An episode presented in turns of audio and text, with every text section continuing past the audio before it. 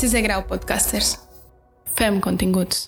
Segurament moltes vegades t'has preguntat si encara funcionen com a eina de vendes les newsletters, els emails comercials de tota la vida. Econòmiques i ubiques, avui parlarem de les possibilitats que t'ofereix el mailing i com utilitzar el seu ús. Em dic Fernando Blanco i això és Marketing per no marketiners.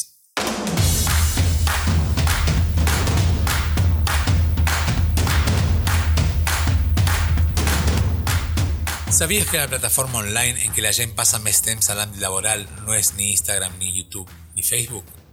És el correu electrònic, aquella antiga eina de comunicació que ja porta a nosaltres més de tres dècades i que avui en dia es disputa el lideratge amb la nova estrella de la comunicació entre persones. Estic parlant clarament del WhatsApp, tema del que ja tractarem en un altre capítol d'aquest podcast. Una òptima implementació d'un programa d'emailing només té dos secrets – la configuració de la base de dades i la fiabilitat de la plataforma a utilitzar, allò que es coneix com Sender. Crec que no cal que no se considera mailing enviar des d'un Outlook un mail en còpia oculta i de fet és una pràctica que desaconsellem, ja que a més a més de ser de molta baixa qualitat des del punt de vista del màrqueting, pot posar en risc la reputació del domini davant d'una cataracta de denúncies de spam, de vegades automàtiques, generades per les mateixes ISPs o proveïdores d'internet. Si comencem per l'última part, hi ha al mercat una important oferta de serveis d'enviament de newsletters, algunes pensades per petites empreses i d'altres per grans corporacions que requereixen altes prestacions, sigui de customització dinàmica, de seguiment o eines suplementàries, com ara sistemes d'automatització o fins i tot CRMs. Només hem de tenir en compte alguns aspectes per escollir-lo a més a més del preu, i són els següents, almenys si treballes a Andorra o a Europa en general. La primera és que la base de dades estigui allotjada de la Unió Europea, per així complir amb la RGPD o Reglament General de Protecció de Dades. Tot que la majoria dels senders són americans, només alguns tenen o declaren tenir servidors a Europa. Cal prestar atenció a la normativa específica del teu país al que fa enviament de newsletters. La segona és que les bases de dades siguin fàcils de carregar i eventualment manipular i exportar. Per què? Perquè donat el cas de que vulguis o necessitis canviar de proveïdor, puguis extreure de manera fàcil i fiable no només el llistat de clients i de leads, sinó també, i per separat, la llista negra, o llistat de persones que no volen rebre les teves comunicacions, o es donen de baixa, o adreces mal escrites o inexistents. No hi ha cosa més decebedora que intentar fer extractes de la base de dades o qualsevol manipulació i trobar que ara són en un format no estàndard que en fa esclaus del sender que van contractar. La tercera és que l'editor sigui visual i tingui drag and drop, o, parlant en cristià, que pugui dissenyar la newsletter arrossegant les imatges i maquetar el text com si fos un Word.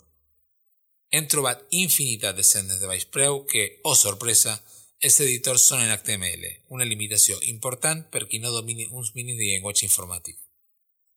I per últim, que tingui bona reputació i que permeti utilitzar una IP específica, contractada per nosaltres, ja que en el cas de que el sender enviï tot per unes poques i propietàries IPs, davant un problema de reputació, i pagarà un preu molt alt serà el nostre domini i per tant la nostra empresa.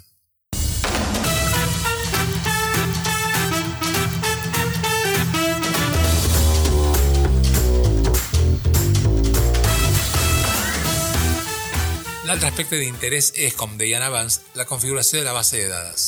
Primer de tot, una advertència. Mai, però mai compreu adreces d'e-mail per enviar correus massius.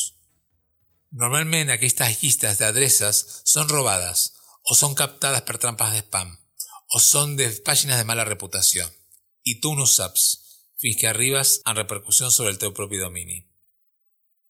Aquí a Andorra només pot confiar-te de les adreces que pot proveir la Cambra de Comerç, que a més a més de ser reals, estan segmentades per sector industrial i parròquia, entre altres. Dit això, qualsevol comerç o empresa té normalment una base de clients efectius i de vegades de clients potencials que hagin contactat en algun moment. Si aquests clients han estat informats degudament que podrien ser contactats per comunicacions comercials, aquí ja tenim la eina fonamental de l'emailing. A partir d'aquí, el grau de segmentació i de complexitat que pot assolir-se a la nostra acció dependrà exclusivament de la informació disponible. Si dels nostres clients tenim només el correu electrònic, no cal dir que només podrem enviar un únic contingut, ja que no podem separar diferents sectors. Però només tenint un nom associat ja podem tractar de tu o de vostè i pel nom a cada membre del llistat. Fem molt més personal el contacte i, per ende, amb més possibilitats d'èxit a l'hora de buscar feedback. Si a mes a mes d'un nom vinculat i el sexe, que és l'altra variable de segmentació fonamental, tenim alguna informació que fa les preferències de cada client potencial, la comunicació serà molt més quirúrgica i precisa. En aquest punt només ens queda decidir el disseny de la newsletter, poden fer-se veritables obres de gràfiques o enviar simples textos igualment efectius, i decidir la periodicitat d'enviaments. Nosaltres suggerim com a periodicitat mitjana l'enviament de una o dues peces mensuals, tot depenent de la tipologia de l'empresa, de la relació amb els clients comercials, del producte i de la manera de consumir que pugui tenir el nostre mercat. Així doncs, només queda animar-se, construir la base de contactes, segmentar-la al màxim, decidir quina serà la nostra primera oferta a comunicar i finalment donar el pas. És una aposta segura.